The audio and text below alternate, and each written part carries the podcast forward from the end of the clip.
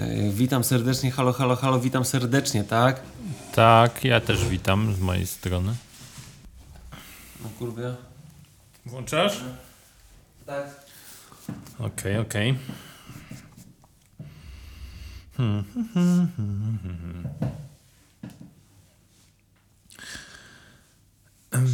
4K, 30 klatek.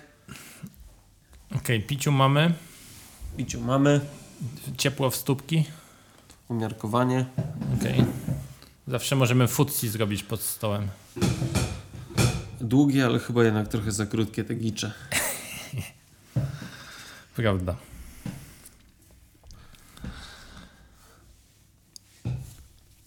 Trzy, dwa, jeden, boom i lecimy. Idziemy.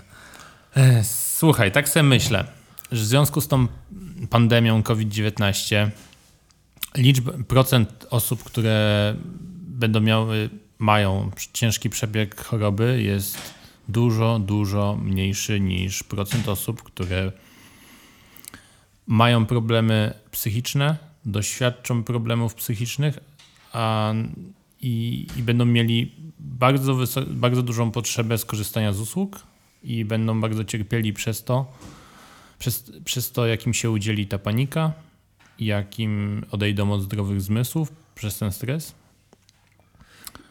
I jak myślisz, jak można sobie z tym poradzić? E, No, znaczy najciekawsze jest to, że do tego nie potrzeba było wcale wirusa, bo e, według danych z, z różnych źródeł e, liczba osób z zaburzeniami psychicznymi wzrasta z roku na rok i zarówno według danych amerykańskich i polskich liczba prób samobójczych wzrosła o, od 10 do nawet 30% w zależności od grupy wiekowej, jak między innymi podaje Komenda Główna Policji. I co? I myślisz, że to da się jakoś naprawić?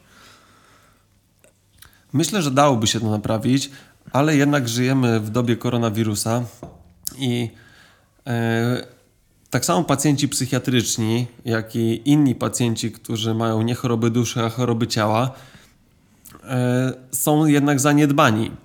E, I taki pacjent psychiatryczny to jest pacjent, który jest specyficzny. I to jest pacjent, który może, jak to się mówi, nie pójść na telemedycynę, bo e, taka relacja lekarz-pacjent e, w przypadku chorych psychiatrycznych no jest, jest szczególna. I poza tym psychiatria jako taka na tle innych dziedzin medycyny wy, wygląda słabo. No po prostu wygląda słabo. Tak jak w chirurgii poczyniliśmy znaczne postępy, jeśli chodzi o technikę chirurgiczną, rozwój narzędzi, e, opiekę przed i pooperacyjną, bo to jest wszystko z mojej działki. Tak, wydaje się, że w opiece psychiatrycznej troszeczkę dołujemy i zostajemy w tyle. To znaczy, że zarówno te metody e, leczenia słowem, czyli czyli takie metody właśnie psychoterapeutyczne i metody psychoanalizy zostają w tyle i tak samo zostaje w, w tyle psychofarmakologia. To znaczy, że tak jak się dzieje postęp e, we wszystkich dziedzinach medycyny, że zostaną, zostają wynajdowane nowe leki, tak w psychiatrii od czasu wynalezienia tych e, inhibitorów wychwytu zwrotnego serotoniny, czyli tych SSRI-ów, troszkę zostaliśmy w tyle i chyba stoimy w miejscu. I chyba te SSRI to są leki nie z tak dużym, tak dobrą skutecznością, czyli je trzeba brać regularnie, dosyć długo i, i ich skuteczność nie jest jakaś powalająca. Ich skuteczność jest nawet niezła, natomiast e, jest taki mały haczyk, kiedy masz kogoś z ciężką depresją i zostawisz go samemu sobie i włączysz mu te leki, to przez pierwsze trzy tygodnie jest szansa, że te leki spowodują, że on dostanie lepszego napędu, ale nie dostanie lepszego nastroju. Co między innymi może oznaczać, że on dostanie lepszego napędu, żeby realizować to, co sobie wymyślił w swojej depresji, czyli na przykład popełnić samobójstwo. Samobój. tak, No. Więc tak, tak, ta psy, ta psy, postępy w psychiatrii są, z tego co ja też czytałem, to nie są zachwycające, są raczej niskie i to przyznają sami psychiatrzy, którzy którzy też by chcieli mieć lepsze narzędzia, żeby pomóc ludziom, bo to nie jest tak, że człowiek się z psychiatra z dobrego serca się spotyka z pacjentem i chce się z nim spotykać do końca życia, żeby tylko nabijać kapuchę, tylko on by tak, no każdy człowiek z reguły jest, no, ma jakieś dobre chęci i chciałby pomóc pacjentowi, ale zwyczajnie ma utrudniony problem z trafieniem do pacjenta.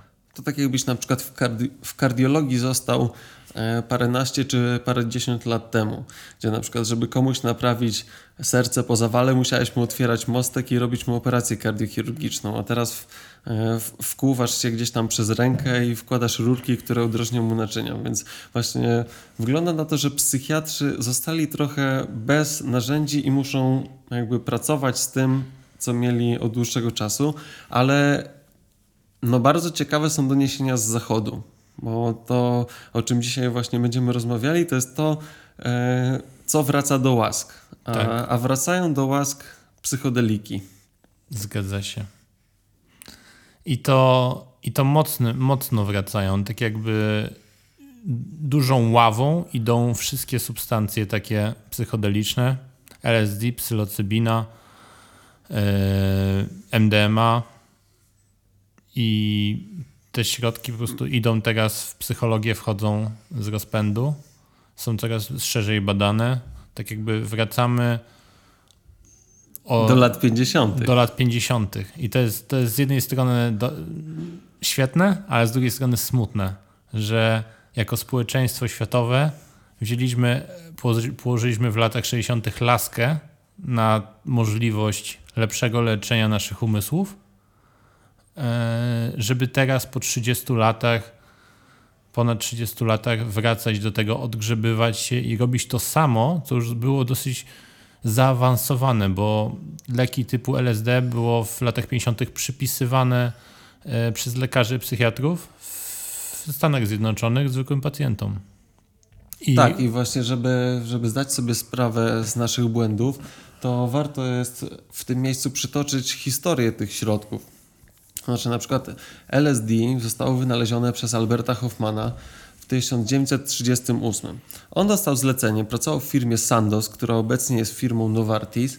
E, Dostał zlecenie, żeby opracować lek, który powstaje z alkaloidów sporyszu.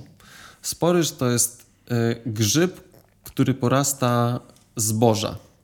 E, Jest pasożytem zboża. I on dostał zadanie, żeby z tych substancji, alkaloidów sporyszu, otrzymać lek, który będzie lekiem cucącym. To znaczy, że jeżeli podasz na przykład go e, komuś, kto będzie we wstrząsie, to ten lek podniesie ciśnienie, poprawi funkcję oddechową i generalnie takiego chorego z tego wyciągnie. Co ciekawe, jako jeden z pierwszych tych leków e, cucących była również amfetamina. No i on pracował na tej substancji, pracował, pracował, pracował i w roku du- 1938 e, odkrył LSD. Czyli tak długo podstawiał różne podstawniki do tej substancji kwasu lizergowego, z, e, właśnie z, te, z tego sporyszu i w końcu uzyskał LSD. No ale tak, w sumie nie podwyższało za bardzo ciśnienia, w sumie nie poprawiało funkcji układu ani oddechowego, ani krążenia, więc zarzucił badania tą substancją i zaczął dalej podstawiać te różne podstawniki do tego kwasu lizergowego. I w, w ramach ewaluacji swojego projektu w 1943, czyli też warto wspomnieć, działo się to w środku no, naprawdę ciężkiej wojny, II wojny światowej, gdzie co prawda e, Szwajcaria no miała trochę inną sytuację niż wszyscy inni, ale jednak on pracował w środku wojny. Stwierdził, że będzie prowadził reewaluację tych związków, nad którymi pracował.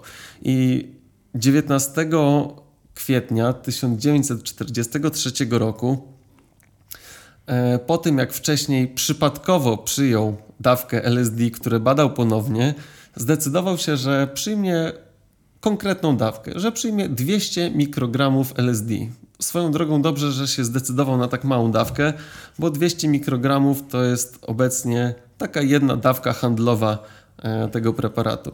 I on zdążył to zjeść, zdążył wrócić na rowerze przez jakby ten wojenny klimat Szwajcarii 1943 roku, wrócił do domu i no coś się działo nie tak. Zaczął widzieć różne rzeczy, wydawały mu się różne rzeczy. Do tego stopnia było to wszystko dziwne, że wezwał lekarza.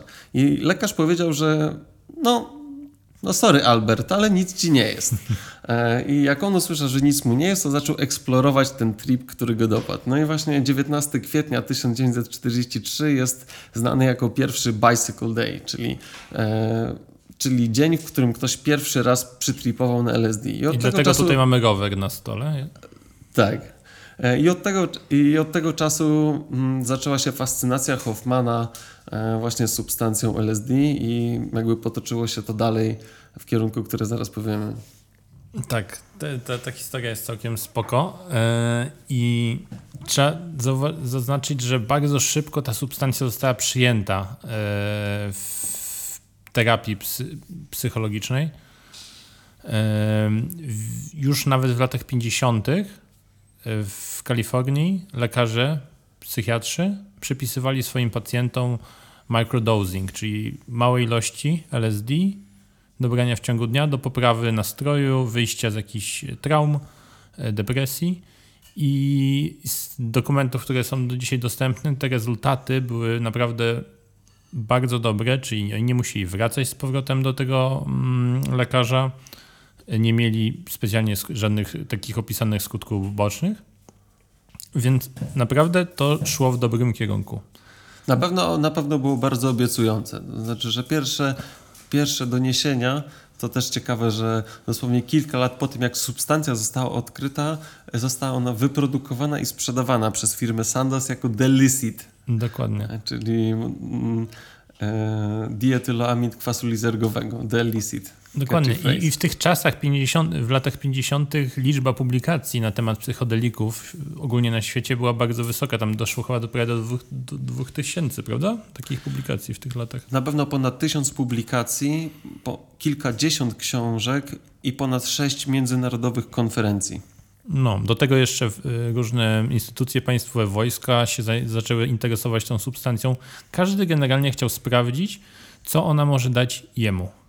Psychiatrzy interesowali się tym, że to może być taki katalizator psychoterapii, czyli prowadzisz psychoterapię, która no, ciągnie się, ciągnie i nie, nie ma swojego skutku i dasz komuś LSD, co ważne w kontrolowanych warunkach i i ta psychoterapia idzie do przodu.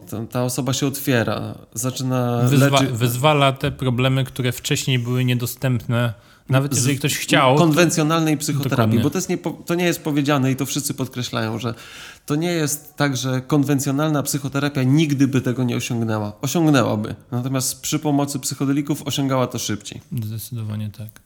Ale ra razem z, ze środowiskiem y, lekarskim, ze środowiskami naukowymi y, LSD podłapało też społeczeństwo i ludzie młodzi, którzy na bardzo szeroką skalę zaczęli rekreacyjnie spożywać e, tą substancję, co się, co było po prostu, to jest tak jak zbieg okoliczności w przypadku COVID-u. Po prostu tak się po, połączyły przypadkowo te rzeczy, że po prostu to wystrzeliło.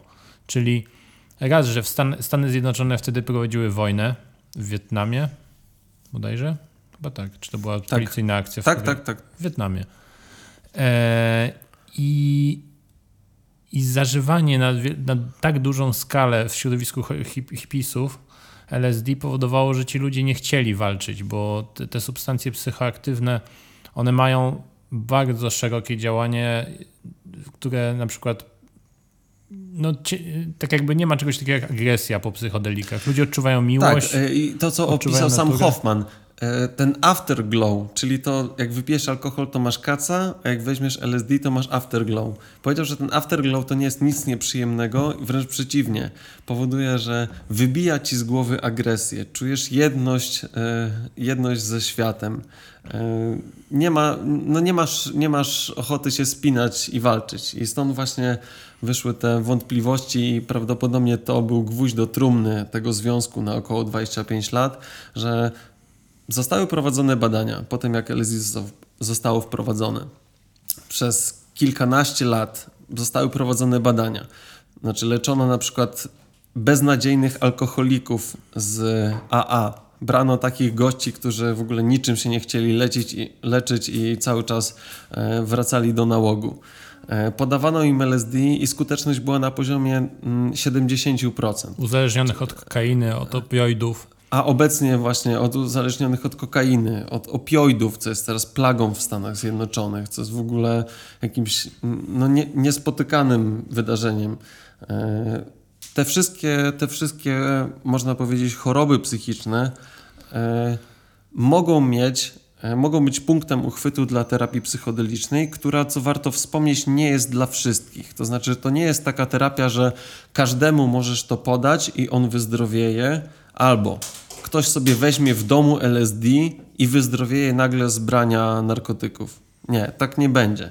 E, co podkreślali i pierwsi badacze w latach 50. i 60., i co podkreślają teraz, e, nigdy nie może to zastąpić terapii w kontrolowanych warunkach, kontrolowanym przygotowaniu. I to jest właśnie co mówił jeden z takich niechlubnych propagatorów LSD, czyli profesor Timothy Leary z Harvardu, który później został nawet okrzyknięty przez Nixona najbardziej niebezpieczną osobą w Stanach Zjednoczonych on bardzo propagował to. Do tego stopnia, że mówił, że wszyscy powinni to, to wziąć, że to dla każdego będzie dobre. Miał jakieś fabryki LSD, e, nadzorował fabryki LSD i został okrzyknięty, że jest najbardziej niebezpieczną osobą w kraju. A dlaczego? Bo wówczas e, ten amerykański sen i ten amerykańskie morale E, dotyczące właśnie wojny i działań i polityki były podkopywane przez to, że ruchy hipisowskie e, używały tych środków, żeby oddalić się od tego wszystkiego.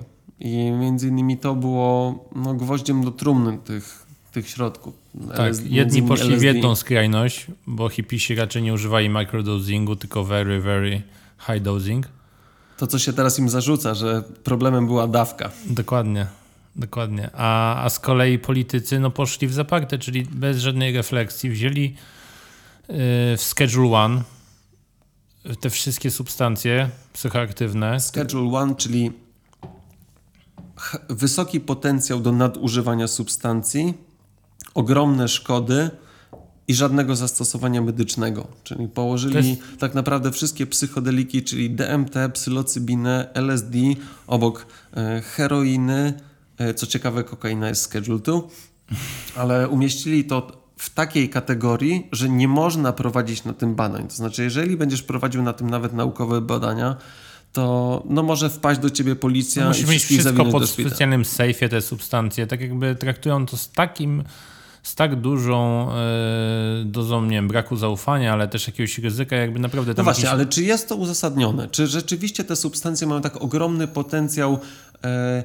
uszkadzający jednostkę, uszkadzający społeczeństwo i no, czy, czy to są substancje, od których się uzależnisz? No, to jest zabawne, ale z tego, co ja czytałem, widziałem, słyszałem, to psychodeliki właściwie nie, nie mają szansy uzależnić ciebie od nich. Tak jakby jest to praktycznie nawet, niemożliwe. Okej, okay, no nie, nie, nie ma co mówić niemożliwe, ale na pewno to jest, szansa na to jest niewielka. Bardzo niewielka. I tutaj warto, warto przytoczyć takie badania. Między innymi był taki badacz, który miał na nazwisko Nat, a nie pamiętam jak miał nazwisko, N-U-T-T, e, miał na, na, imię na D, który w, wymyślił taki, taki kołowy, radarowy schemat, które z substancji jak są szkodliwe i brał pod uwagę szkodliwość dla jednostki, czyli physical harm, szkodliwość dla społeczeństwa, czyli social harm i physical dependence, czyli jak... Uzależnienie. Czyli uzależnienie jak, takiej jak, jak jednostki. uzależnia, jak tak. bardzo uzależnia. I w kolejnej rewizji swoich badań umieścił LSD na pozycji 18 z 20, a psylocybinę obok. Dla porównania nikotyna jest w pierwszej trójce, a alkohol na miejscu piątym, tak, jeśli chodzi o... Tak. I chyba nik nikotyna y, to jest w ogóle niewiarygodne, że my mamy to, wchodzimy sobie do sklepu z, do żabki i na półce mamy alkohol, który ma największy social harm ze wszystkich narkotyków. Po prostu jest wszędzie, praktycznie na całym świecie zezwolenie na spożywanie jego.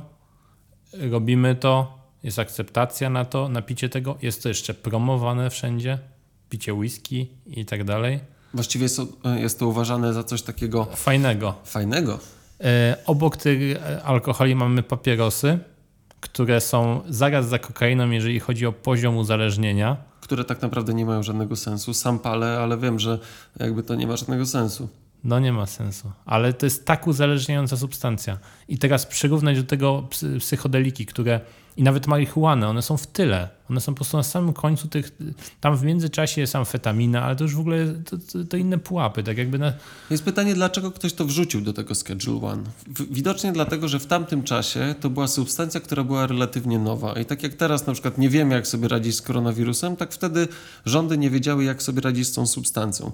Więc lepiej zrobić za dużo i wrzucić do Schedule One, czyli czegoś, co jest totalnie zakazane i kry, e, kryminalizowane, e, niż pozwolić troszkę, a później będzie na przykład e, zjadł LSD i wyskoczył z okna i umarł.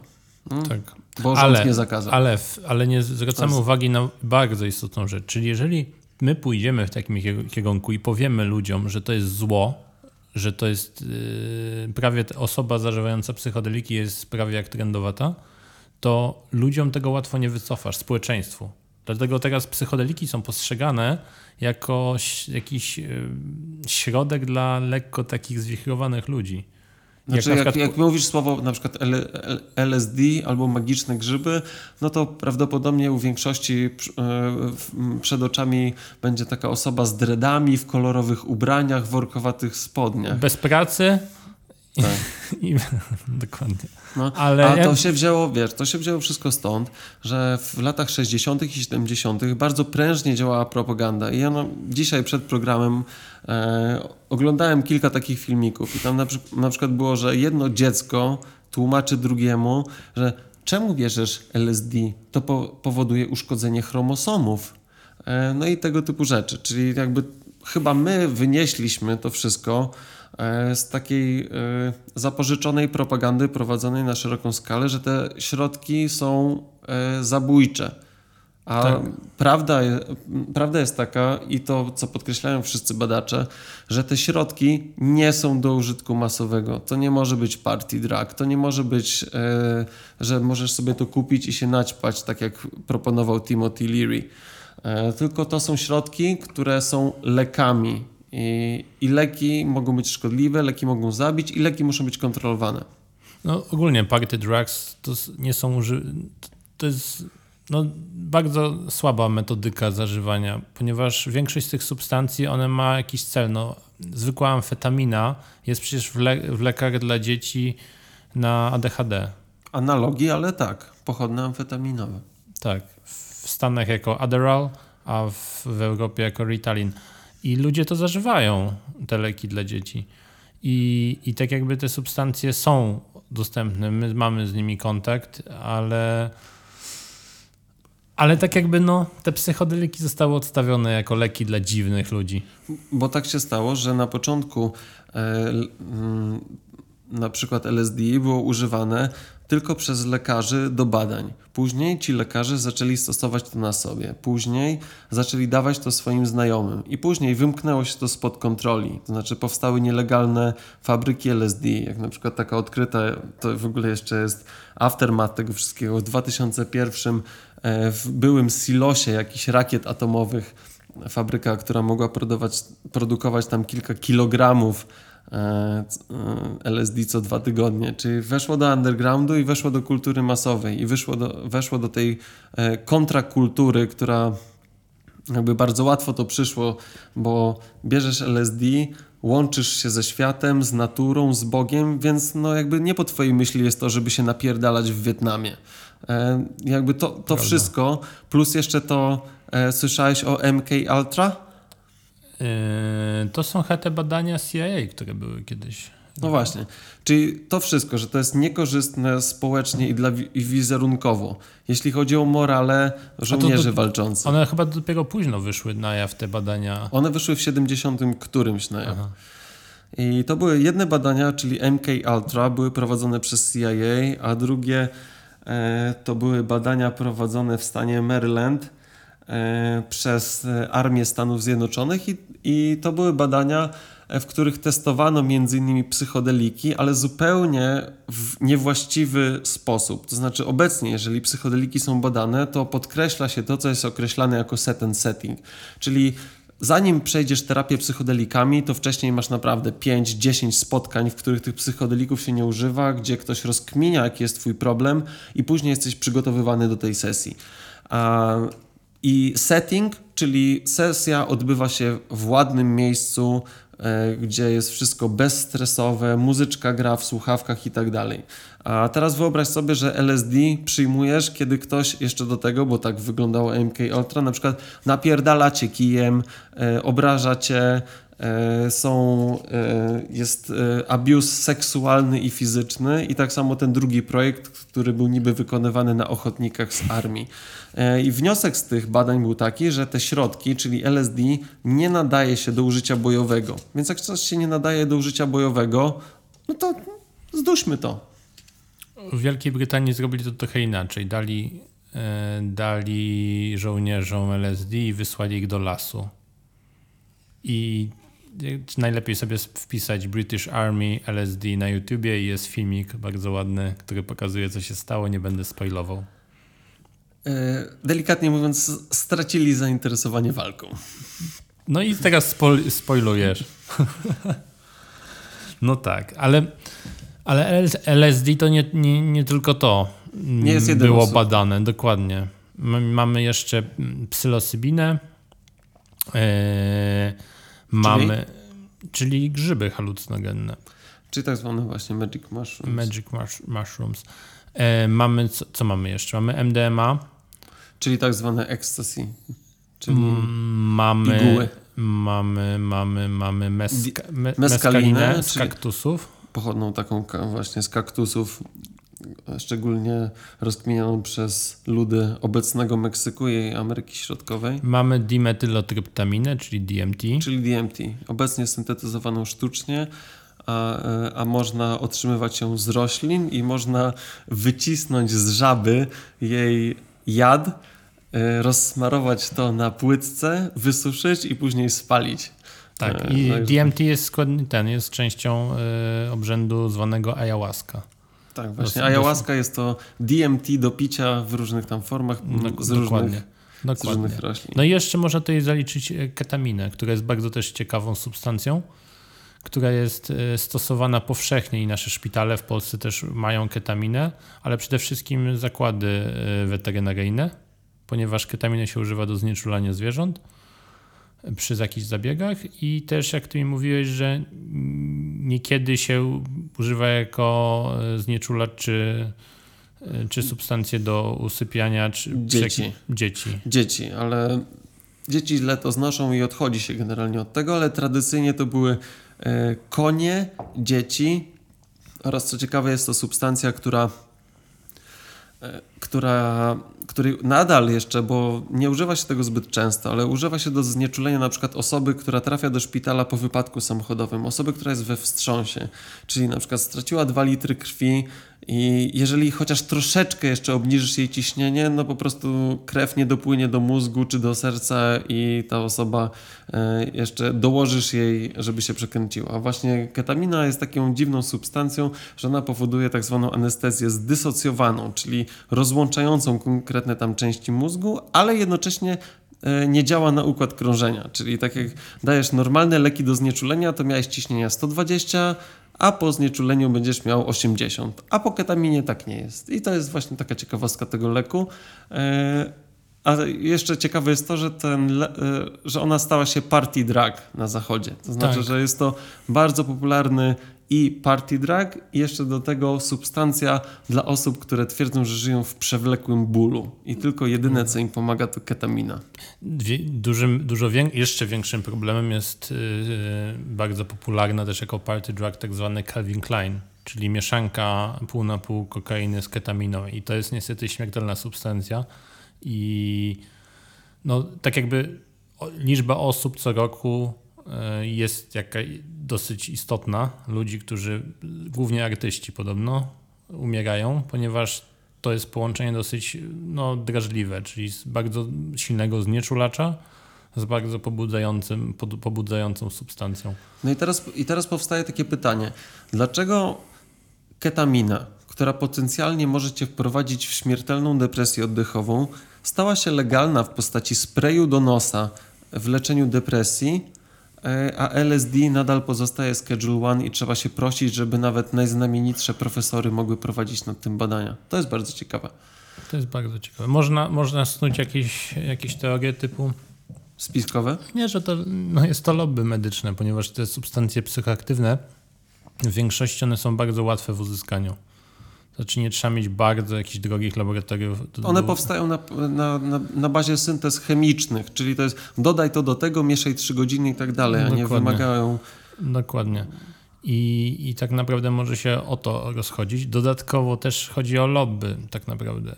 Ostatnio się dowiedziałem, że w Stanach Zjednoczonych ta legalizacja marihuany w, poszczególnych, marihuany w poszczególnych stanach nie wychodziła, tak jakby za nią nie stoją ludzie zainteresowani stosowaniem marihuany. Podobno za nimi stali przedsiębiorcy, którzy po prostu chcieli interes. I, I tylko dlatego ona została legalizowana, bo ktoś, kto w ogóle tak jakby marihuana nie istnieje dla niego, on chciał zarabiać na farmach, gdzie się Wyniuchał. wyniuchał po prostu biznes, że jak to się zalegalizuje, to po prostu pójdzie wtedy mega dobry biznes. Ale nie uważasz, że to jest też dlatego, że e, nawet jakbyś wziął kilogram marihuany i ją zjadł, albo wziął kilogram marihuany i wypalił, to prawdopodobnie nie umrzesz. Więc jakby konsekwencje z tej legalizacji są mniejsze przez to. No, czyli e, można sobie spokojnie z obojętnie jakich pobudek, czy chcesz pomóc społeczeństwu, czy dzieciom chorym na padaczkę, e, którym pomaga tylko THC, e, no to to jest substancja, która jest nieszkodliwa i można wprowadzić, kurwa, wprowadźmy ją, róbmy na tym kapustę, niech stan dostaje z akcyzy, e, niech ci na tym zyskują, bo tak naprawdę nikt na tym nie straci. Czy... Okej, może zapędziłem się w tych... Nie zapędziłeś się, bo teraz coraz częściej się mówi o tym po tych incydentach w Meksyku, w Guadalajara. Guadalajara? Guadalajara, chyba tak? Coś takiego. Się mówi o tym, jak silne są kartele w Meksyku. Że ich, nad nimi się nie dało zapanować po tych incydentach, gdzie one od- próbowały tam odbić e, jakiegoś swojego członka. I A, y, kuzyna czy tam syna El Chapo. Chyba tak, chyba tak. I, I tak naprawdę, gdyby te substancje były legalne, ale pod jakimś nadzorem sprzedaży, dystrybucji, no to te kartele by nie urosły jako takie niezależne państwo, państwo w państwie.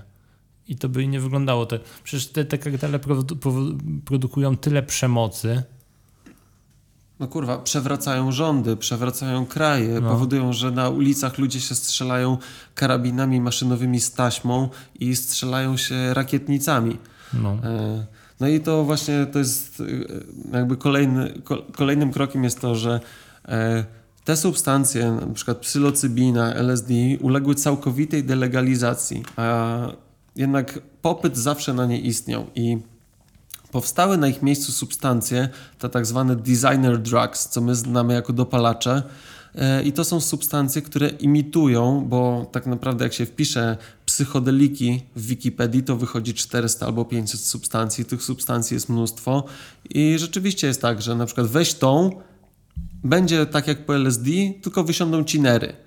E, No i jakby miejsce tych substancji psychoaktywnych, który, którzy, mm, ludzie szukali tych substancji i one po prostu powstawały ad hoc, czyli powstawały tak po prostu natychmiast.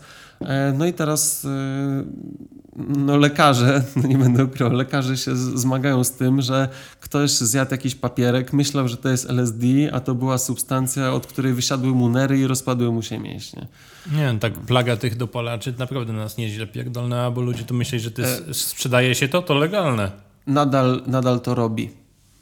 Nadal. Tak.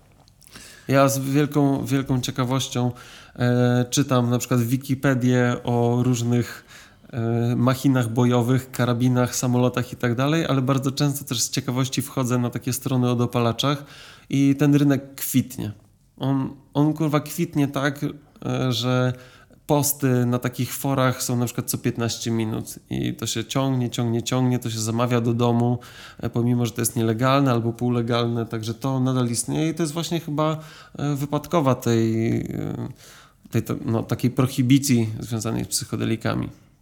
Oczywiście te związki nigdy nie byłyby dostępne dla wszystkich, ale jednak jeżeli są niedostępne dla nikogo, no to ktoś wyczuł biznes szukając związków, które będą działały podobnie. I ludzie przy tym cierpią mocno.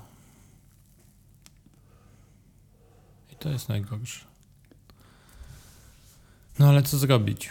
Nie wpłyniemy teraz na rząd, bo teraz jakbyśmy chcieli wpływać, wyobraź sobie sytuację, w której chciałbyś politycznie powiedzieć, że chcesz otworzyć centrum e, leczenia chorób, chorób jakichś, nie wiem, depresji albo PTSD i chciałbyś używać do tego mm, magiczne grzyby. Myślę, że albo LSD i myślę, że bardzo szybko pojawiłyby się hasła typu mm, LSD robi autyzm, Zabija nasze dzieci. 5G i LGBT.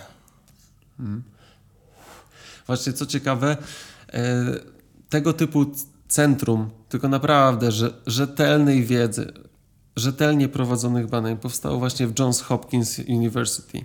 Tak, E. teraz z okazji koronawirusa myślę, że wiele osób doświadczyło, widziało te wykresy przygotowane albo jakieś prognozy w Jo- John Tak, Hopkins. Johns Hopkins bardzo prężnie działał, Jedna jeśli chodzi o prognozowanie właśnie. Jedna z, większy, najwięk, znaczy jedna z największych instytucji takich medycznych, researchowych na świecie. Wypluwa researche jak Joe Rogan podcasty.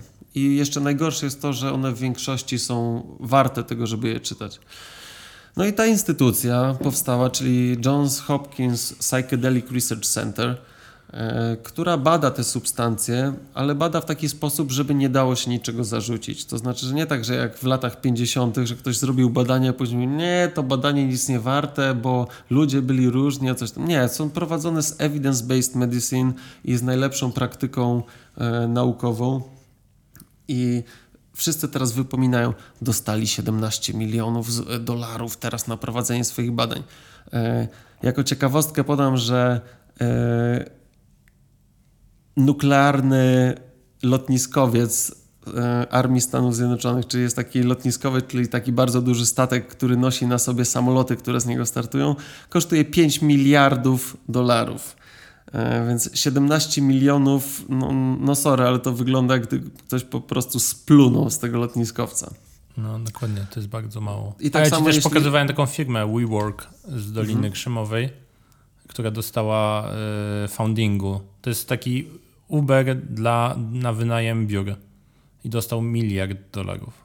No, więc czym jest to 17 milionów, które jeszcze do tego w całości nie jest od, od państwa, tylko jest od wielu prywatnych inwestorów, którzy po prostu chyba jednak trzeba sądzić, że mają na uwadze dobro wszystkich ludzi, bo te substancje pomogą ludziom, ale to nie będą substancje, które firmy farmaceutyczne będą chciały wziąć w łapę, no bo zrobisz trzy sesje z psylocybiną albo z LSD i nagle się okazuje, że takie sesje podtrzymujące uwalniają tą osobę od konieczności przyjmowania leków, czyli to nie jest branie SSRI przez całe swoje życie, tylko to są e, na przykład 15 sesji, z czego 3 z danym lekiem, e, które leczą cię z danego problemu. No to gdzie w tym kasa?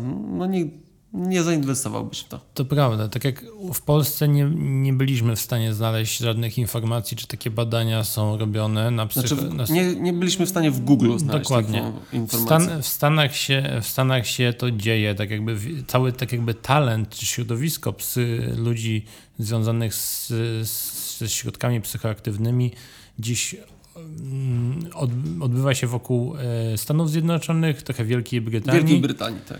Ale ciekawym przypadkiem jest Izrael, gdzie, gdzie to państwo zmaga się z wojną ciągłą i przypadki na przykład wybuchów na ulicy, jakichś zamachów i śmierci rozbryzganych ciał e, są dla nich, dla wielu osób, no zdarzyło się to kilka razy, to nie był przypadek Ry, jednostkowy. ryją ludziom berety. Dokładnie. Nie wiem, nie, nie wiem, jak ty i ja byśmy się zachowali, gdyby na przykład naszą, e, w sensie twoją albo moją mamę rozsadziłaby rakieta, która wyleciała. Nie wiem, Dokładnie. ale mogłoby się to skończyć na przykład PTSD, czyli Dokładnie. zespołem stresu pourazowego. Dokładnie. Więc tam w Izraelu e, no, ten procent ludzi z takimi, e, z takimi problemami, którzy, żeby móc funkcjonować, musieli być na psychotropach albo na innych tego typu ciężkich lekach, Żeby móc jakkolwiek funkcjonować. jakkolwiek funkcjonować.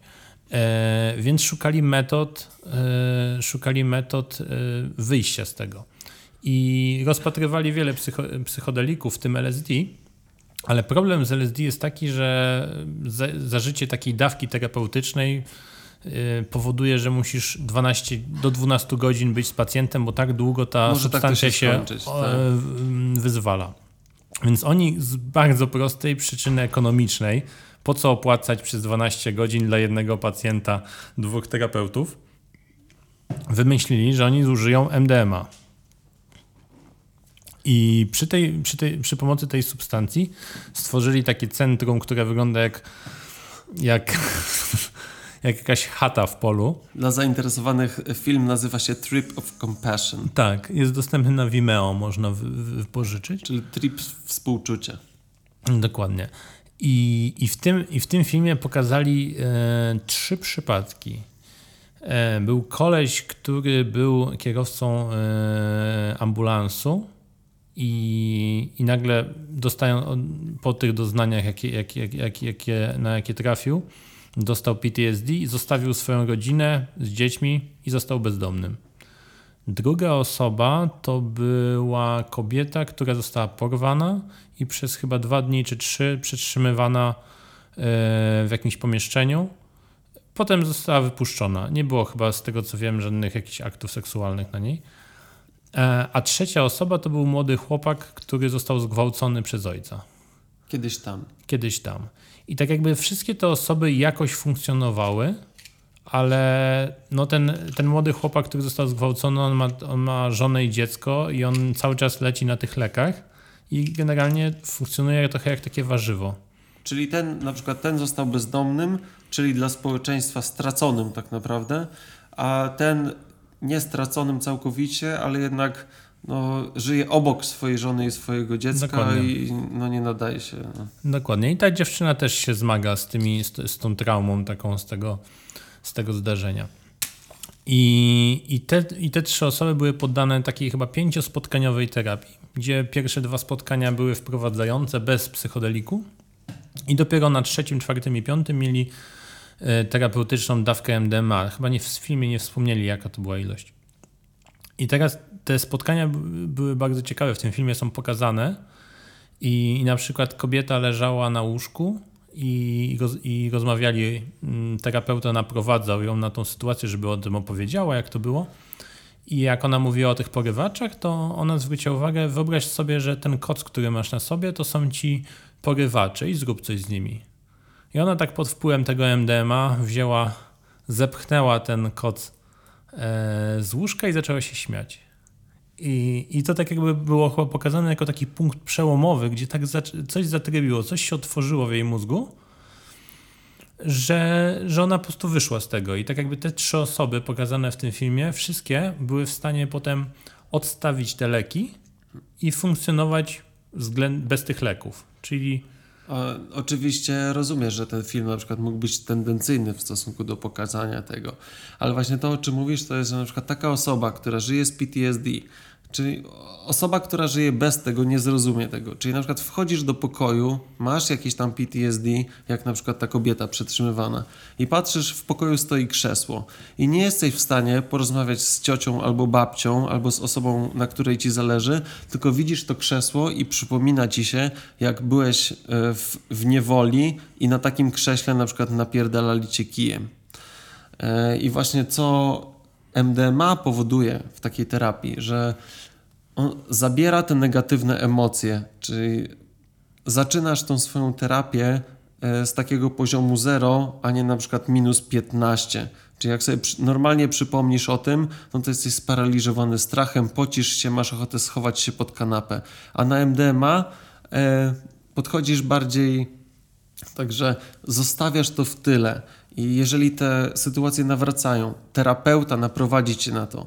E, a czy możesz powiedzieć, co się wtedy działo, co wtedy czułeś? I nie zaczynasz z czegoś takiego, że masz ochotę schować się pod kanapę i nikomu o tym nie mówić, tylko właśnie e, ma, dobrze naprowadzony jesteś w stanie to przepracować. Tak. To też mm, taki czeski naukowiec, y, dr Stanisław Grof, czyli taki propagator i, i fan LSD, On w swoich właśnie badaniach e, leczył na przykład uzależnienie od papierosów e, przy pomocy LSD i, i, i tak jakby punktem przeł takim e, przełomowym w tej terapii, w tej tak jakby w takim w ciągu, w ciągu podczas tej zażywania tej substancji było na przykład doświadczenie jak to jest być swoimi płucami jak palisz. I ludzie pod wpływem ty, tych środków tej LSD doświadczali tak fizycznie czy psychicznie, bo, bo tak jakby LSD nie robi ci fizycznego szkody, ale psychicznie doświadczali, jaką szkodę ci robi ten dym papierosowy w płucach i potem już nie sięgali po papierosy. Czyli to, jest, to można porównać do tego, że jak ocierasz się o śmierć, na przykład gdzieś jedziesz, miało ci coś potrącić, stało to się chwilę przed, po prostu przeszło ci, śmierć ci przeszła przed oczyma. I to są często opisywane, wspominane jako punkty takie przełomowe u ludzi. To do... Ale to nie jest jedynym mechanizmem, bo e, też słyszałem, e, znaczy czytałem wywiady takie z pierwszej ręki z osobami właśnie, które były poddawane terapii psychodelicznej e, właśnie z powodu nikotynizmu. I te osoby mówiły, że kiedy przyjęły ten środek i były w tej takiej guided session, czyli ta sesja była prowadzona, to e, pod wpływem czy psylocybiny właśnie, czyli środku, środka z tych magicznych grzybów, czy pod wpływem LSD, one miały wrażenie, że przeleciały przez cały czas historii człowieka. Były w, e, w, wiekach średnich, były w okresie tam wielkiej twórczości człowieka, w starożytnej Grecji. E, I kiedy wróciły do tego swojego miejsca, to te osoby stwierdziły, że ja zajmuję tak małe miejsce w tak długiej historii świata, a tym bardziej wszechświata, że palenie papierosów jest marnowaniem czasu, że powoduje to, że ja nie będę mogła doświadczyć tego wszystkiego, co mogłoby mnie ciekawego czekać e, na świecie, bo skracam swoje życie z powodu papierosów. Zmniejszanie jednej... ego. Tak, z, z, e, odcinanie tego ośrodka de, default control, czyli tego to pod, jest podkreślane, że, e, to, że te substancje wyłączają ci to ego freudowskie, wyłączają systemy kontroli, że normalnie e, że normalnie określone części mózgu łączą się z określonymi, częściami mózgu i jeździsz po tych wydeptanych ścieżkach cały czas. A kiedy wjedzie na to wszystko psy, psylocybina lub LSD, co ważne w takim kontekście naukowym, to to jest jak świeży puszek właśnie.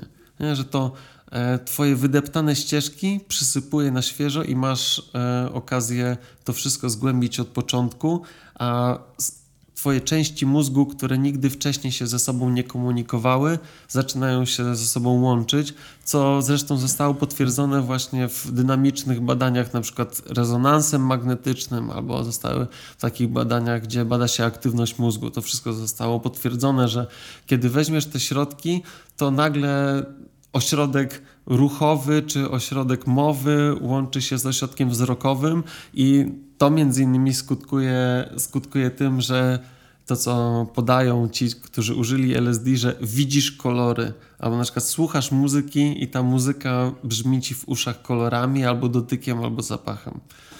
To jest tak. tylko taki mały byproduct tego, co te środki właśnie powodują. Tak. Ten właśnie wspomniałeś Freuda i ten Stanisław Grof miał takie powiedzenie, że e, Freud um, was fishing while sitting on a whale. Czyli, co, to, co to znaczy, że Freud łowił ryby siedząc na wielorybie? Czyli, czyli że on próbował, myślał, że sobie siedzi na brzegu i on moczył sobie, tak jakby budując tą mapę umysłu, e, gdzie, gdzie tak jak naprawdę po zażyciu psychodelików okazuje się, że, ten, że, że tak jakby to, co on zdążył zdefiniować, to jest tylko czubeczek wielkiej góry lodowej, jakim jest, jakim jest nas, nasz umysł i jakie mamy tam możliwości. Jakie, to, choćby to się potwierdza w tym, w tym takim zobrazowaniu, to, to o czym ty mówiłeś, tego połączenia neurotyczne, neuronów w umyśle w momencie zażywania substancji psychoaktywnych. Po prostu tam się robi tysiąc razy x tych połączeń i, i po prostu wszystko się tak jakby łączy i wszystko styka.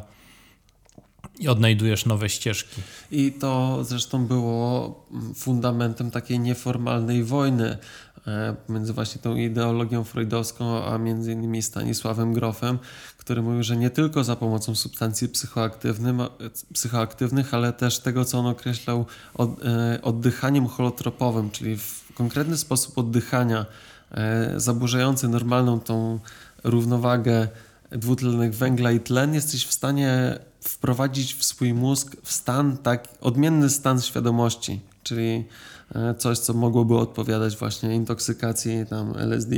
I właśnie Stanisław Grof promo, promował to, że... On, to... Chyba, on chyba musiał to zrobić, jak, jak zakazali badań nad LSD. On nie miał gdzie się podziać i on tak, no całe życie tak jakby to była jego pasja. On razem chyba z żoną po prostu szukali innych dróg, dróg uzyskania tego, innych substancji. Ayahuaskę chyba wtedy zaczęli ten, czyli DMT testować, ale to, ale tak jakby wesz, znaleźli to, że można bez żadnych substancji samemu się tak, wprowadzić ten stan. ale można zrobię, sobie zrobić kuku, to znaczy, że w taki właśnie sposób oddychania można wprowadzić się w stan, e, no, który uszkodzi... wentylacji. Tak? Który uszkodzi twoje zdrowie, więc e, te warsztaty holo, oddychania holotropowego mogły być prowadzone tylko przez osoby, które zostały przeszkolone, bo jest to metoda, którą można zrobić krzywdę. A, a ciekawostka a propos Stanisława, e, Stanisława Grofa jest taka, że on e, ile potrafił dziennie LSD przyjąć? Mm, ja z tego co pamiętam, czytałem w jakiejś chyba jego publikacji, że, że kiedyś się pomylił w papierkach i przyjął chyba 1200. Czyli 1200, czyli odpowiednik sześć, sześciu dawek. Sześć dawek. I, sześciu standardowych i wtedy, dawek. wtedy z okresu, chyba to trwało 13 godzin i mówi, że przez jakieś 10 godzin z tego, tam trochę w, chyba godzinę potrzebuje na wjechanie ten kwas, doświadczał swojej śmierci. Tak jakby nic mu się nie działo fizycznie, ale psychicznie yy, doświadczał, jak to jest nie żyć. No i to jest właśnie też e, ciekawostka dotycząca DMT, e, czyli dimetylotryptaminy. Jest to substancja, która jest używana przez tam rdzennych Amerykan z Ameryki Środkowej i, i Południowej.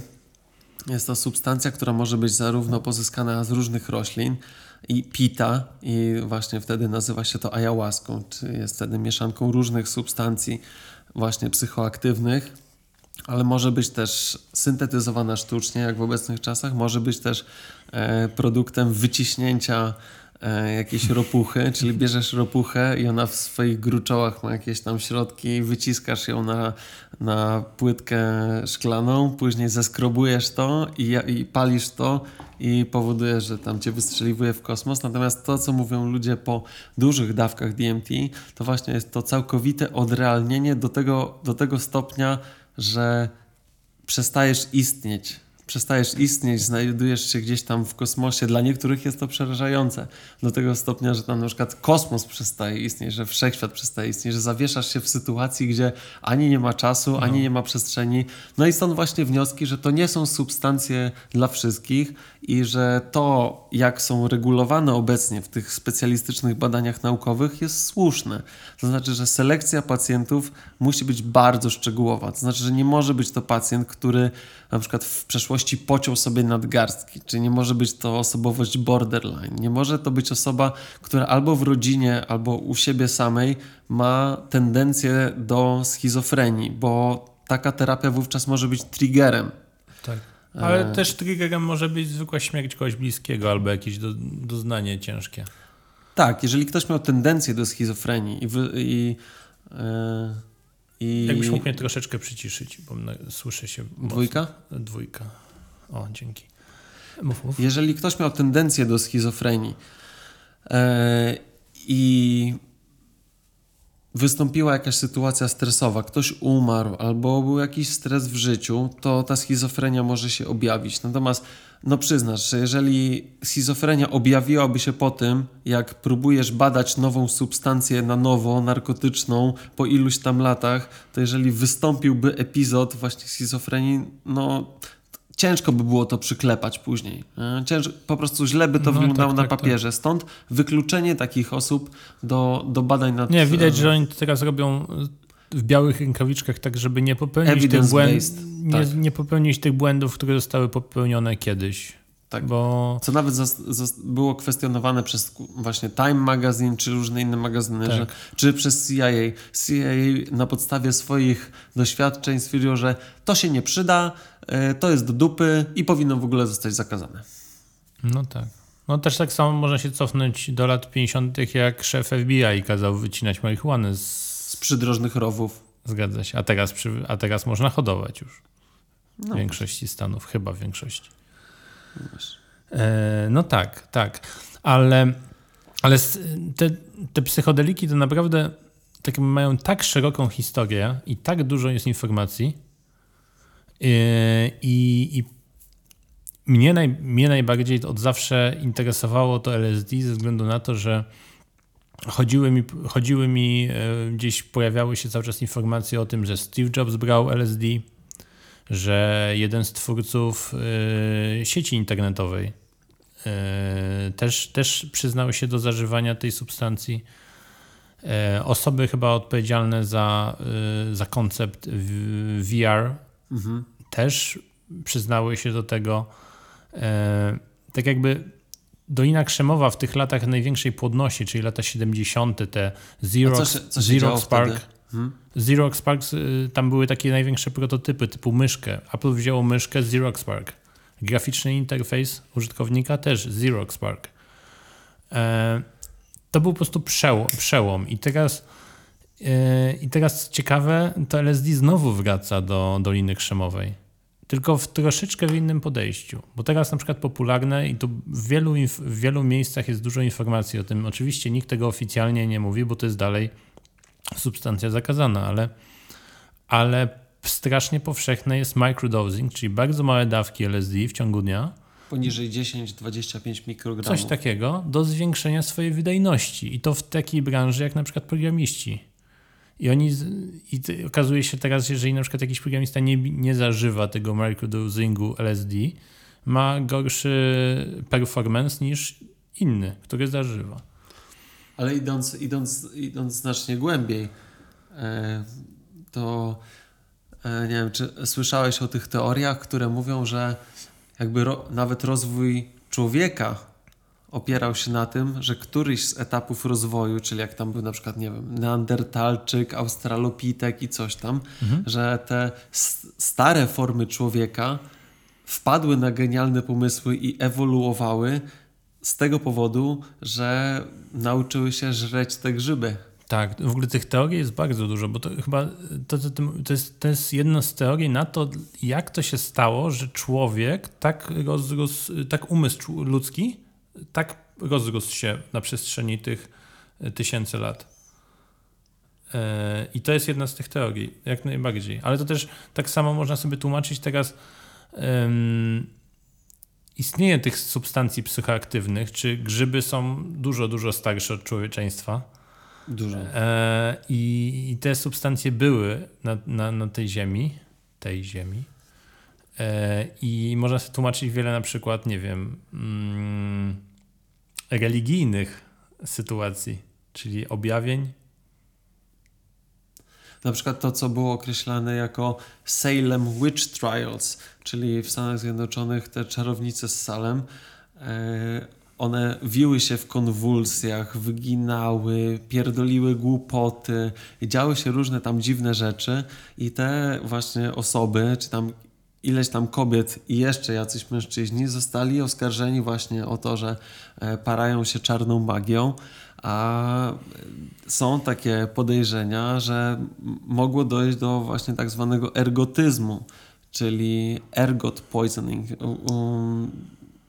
Tam w, tamtych czasach było e, nie brakowało zboża i e, bywało tak, że na przykład zima była długa, zimna i mokra, co sprzyjało rozwojowi tych grzybów i że na przykład te osoby mogły właśnie jeść chleb, w którym rozwijał, rozwijał się sporyż, no i kto jak trafił. Czyli na przykład jak trafiłeś tak, czyli tu było taka część sporyszu, to wiłeś się w konwulsjach. Jak trafiłeś tak, że tam było więcej prekursorów LSD, to pierdoliłeś głupoty i tam chyba kilkanaście osób zostało wówczas e, chyba w XVII wieku straconych właśnie e, z tego powodu jako podejrzane o, o witchcraft. No. No i to, to, jest, to jest świetne wytłumaczenie na te wszystkie rzeczy, co ludzie widzieli na niebie albo co im się przytrafi, przytrafiało. Oj. Mnie, mnie, przekonuje, mnie to przekonuje dosyć mocno. E, no to już wchodzimy na trochę grząski grunt, czyli e, czy Bóg istnieje, czy ktoś zjadł grzyby. Ale to na przykład mówią, że e, ten taki ogromny rozwój starożytnej Grecji no jest w jakimś tam stopniu zawdzięczany właśnie winu. I to wino, no teraz jakbyśmy chcieli się nawalić winem, to trzeba by butelkę wypić, a według tego, co było relacjonowane E, na podstawie tego, co pisali kronikarze i na podstawie, na podstawie tych obrazków, to Grecy pili to wino w takich malutkich czarkach i ktoś tam wysnuł taką hipotezę, że to może być właśnie ergot wine, czyli wino z domieszką sporyszu. Czyli oni się tak zajebiście rozwinęli, no bo no przyznasz, e, starożytni Grecy byli bardziej ogarnięci niż średniowieczni Polacy. No, na, na no, z pewnością, tam to poszło mocno do przodu. No więc jest dużo różnych teorii tam tłumaczących właśnie postęp, postęp cywilizacji, czy jakiś tam ruch do przodu na podstawie no, jakiegoś tam spożycia e, to, pra to prawda, ale, ale co ciekawe, że to John Hopkins Center jest, e, wybrało jako swój związek, na którym będą bazowali swoje badania, wybrali spośród tych wszystkich psychodelików, które przytoczyliśmy, jednak psylocybinę, czyli magic mushrooms. I, I to jest bardzo ciekawe, bo ostatnio właśnie przygotowując się do tej rozmowy, zacząłem czytać właśnie o, o, o psychodelikach i dosyć mocno poszedłem nawet nie w psychodeliki, co w grzyby. Jakie, jakie, jakie, jakie one potrafią dawać różne możliwości. I, I słuchałem takiego mykologa znanego ze Stanów, który opisywał raz, że jak najbardziej te substancje psychoaktywne w grzybach są szeroko. Od, są grzyby, które lekko trzepią, mocno, aż po takie, co jak się, jak się weźmie. I w tej książce, którą mam tutaj przy sobie Michaela Polana, jest opisana ścieżka w Stanach Zjednoczonych, gdzie można znaleźć te grzyby. E, tak jakbyś zostawił paputy w przedpokoju. Dokładnie. E, no nie, generalnie leżysz po zażyciu. Najsilniejsze mm, grzyby na świecie. Ale abstrahując od tych właściwości klepiących, e, grzyby też mają strasznie dużo właściwości, na przykład takich jak wspieranie układu immunologicznego, poprawianie, poprawianie tak jakby kondycji, e, wspieranie takich naturalnych procesów w ciele człowieka. Ty nawet testowałeś ostatnio e, kawy grzybowe? Testowałem i co, i co ciekawe, to, to były takie, no dostajesz paczuszkę z ekopapieru, no bo to firma dba o swój wizerunek i tam są takie pojedyncze, pojedyncze saszety, no i wrzucasz saszetę, rozpuszczasz to z ciepłą wodą, dodajesz trochę mleczka, w sumie to smakuje jak kawa, a jak pijesz kawę rozpuszczalną rano, no to w sumie chyba nie zależy Ci za bardzo, żeby to była kawa, tylko ciepły napój z mlekiem i cukrem. Yy. I pomimo tego, że tam nie było kofeiny, to te grzyby powodowały, że nabierałem energii na cały dzień. A z drugiej strony inny rodzaj grzybów powodował, że e, kiedy wypiłeś to wieczorem z ciepłym mleczkiem, to do rana spałem bez jakich tamkolwiek przeszkód i regulowało to jakiś tam mój tryb taki właśnie czuwania i snu. I to zaczyna się robić tak popularne, że jak pójdziesz na skrzyżowanie Grunwaldzkiej i Jesionowej i tam jest taki sklep Eko, gdzie sprzedają różne tam e, miody, spirulinę i takie inne substancje eko, no to między innymi tam jest wydrukowana informacja, że sprzedają kawę arabikę właśnie z dodatkiem grzybków. I te grzybki to nie jest nic nowego, bo na przykład wikingowie stosowali to od setek lat i, i w Japonii też stosowano W to. Azji tak samo, shiitake i tak dalej są grzyby, Shiitake które... to też są magiczne grzyby. Oczywiście. No i teraz też nawet suplementy można spotkać na bazie grzybów. Tak, możesz na przykład zamiast, zamiast pić tą kawę, czy jeść grzyb, kapelusz, no to możesz kupić sobie tabletki, w której są kapsułki, w której ten grzyb jest zawarty. Tak. To jest bardzo ciekawe. Też ten mykolog zwrócił uwagę na to, że, że trzeba uważać z grzybami jednak, że grzyby działają, e, są chłoną swoje otoczenie. Czyli jeżeli są hodowane w otoczeniu, gdzie jest paskudne powietrze i paskudna gleba, to ty jedząc te grzyby chłoniesz to, co jest najgorsze w okolicy. Tak jakbyś e, żarł na przykład codziennie ryby z Bałtyku. To tam pewnie ten r- rtęcie, nie rtęcie, fosfory. Myślisz? Ja bym wolał, żeby nie było. W każdym razie, że ważne jest źródło, z którego kupujesz, skąd te Tak, grzyby pochodzą. Tak, tak. Ale jestem bardzo ciekawy i też tą kawę będę testował i, i, i, i, te, i, i będę szedł w grzyby, zobaczyć jak to, jak to działa. Też shiitake też sobie sprawdzę. No dobra, co jeszcze mamy do... Mamy Czy- chyba, mamy chyba, musimy Ale jak mamy odhaczyć czas? E, 1.05 i chyba mamy U. tak naprawdę, żeby nie przedłużać, żeby ci, co dotychczas byli e, onieśmieleni e, e, tymi minutami upływającymi na e, liczniku YouTube'a, A ci, żeby ci teraz wysłuchali, będą, a, ci będą teraz słuchali. żeby wysłuchali tego do końca i jak ktoś wysłucha tego do końca i zda nam relację, to proszę przesłać numer konta w prywatnej wiadomości na YouTubie. Wyślemy e, 11, 11 groszy, tylko prosimy o podanie numeru konta. Nie, lepiej powiedz, że wyślemy pieniądze. Nie mów ile. A pie- wyślemy pieniądze. Tak, Pieniądze. wyślemy pieniądze. Tak. E, No i ta nasza dzisiejsza rozmowa to tak naprawdę był tylko wstęp, bo na ten temat można rozmawiać bardzo długo. My jeszcze E, jesteśmy w połowach książek, które sobie Tak, czytamy. jesteśmy w połowach książek, który, do, do których linki podamy w, w opisie tego odcinka.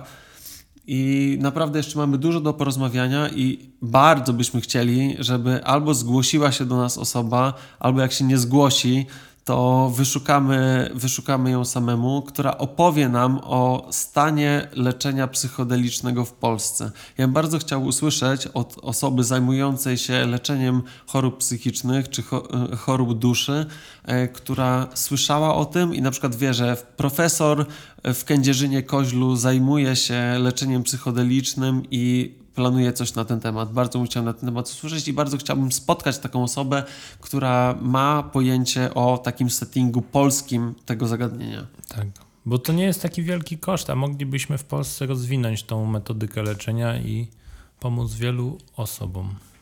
Badania do niczego nie zobowiązują. To znaczy, jeżeli przeprowadzimy badania, e, to, to nie znaczy, że od razu musimy być odpowiedzialni za lek, który wyjdzie. To znaczy, że właśnie może ktoś sypnie kasą, może my pobadamy i jeszcze przyczynimy się do tego, że Johns Hopkins mm, mm, przyłoży się do wytworzenia leku. No właśnie. No właśnie. No dobra. Także przybijamy wysoką piąteczkę, czyli high, high, high five, e, I psychedelic high five i widzimy się następnym razem. Trzymajcie się ciepło. Hej. No, Boom. And we're off. Oh.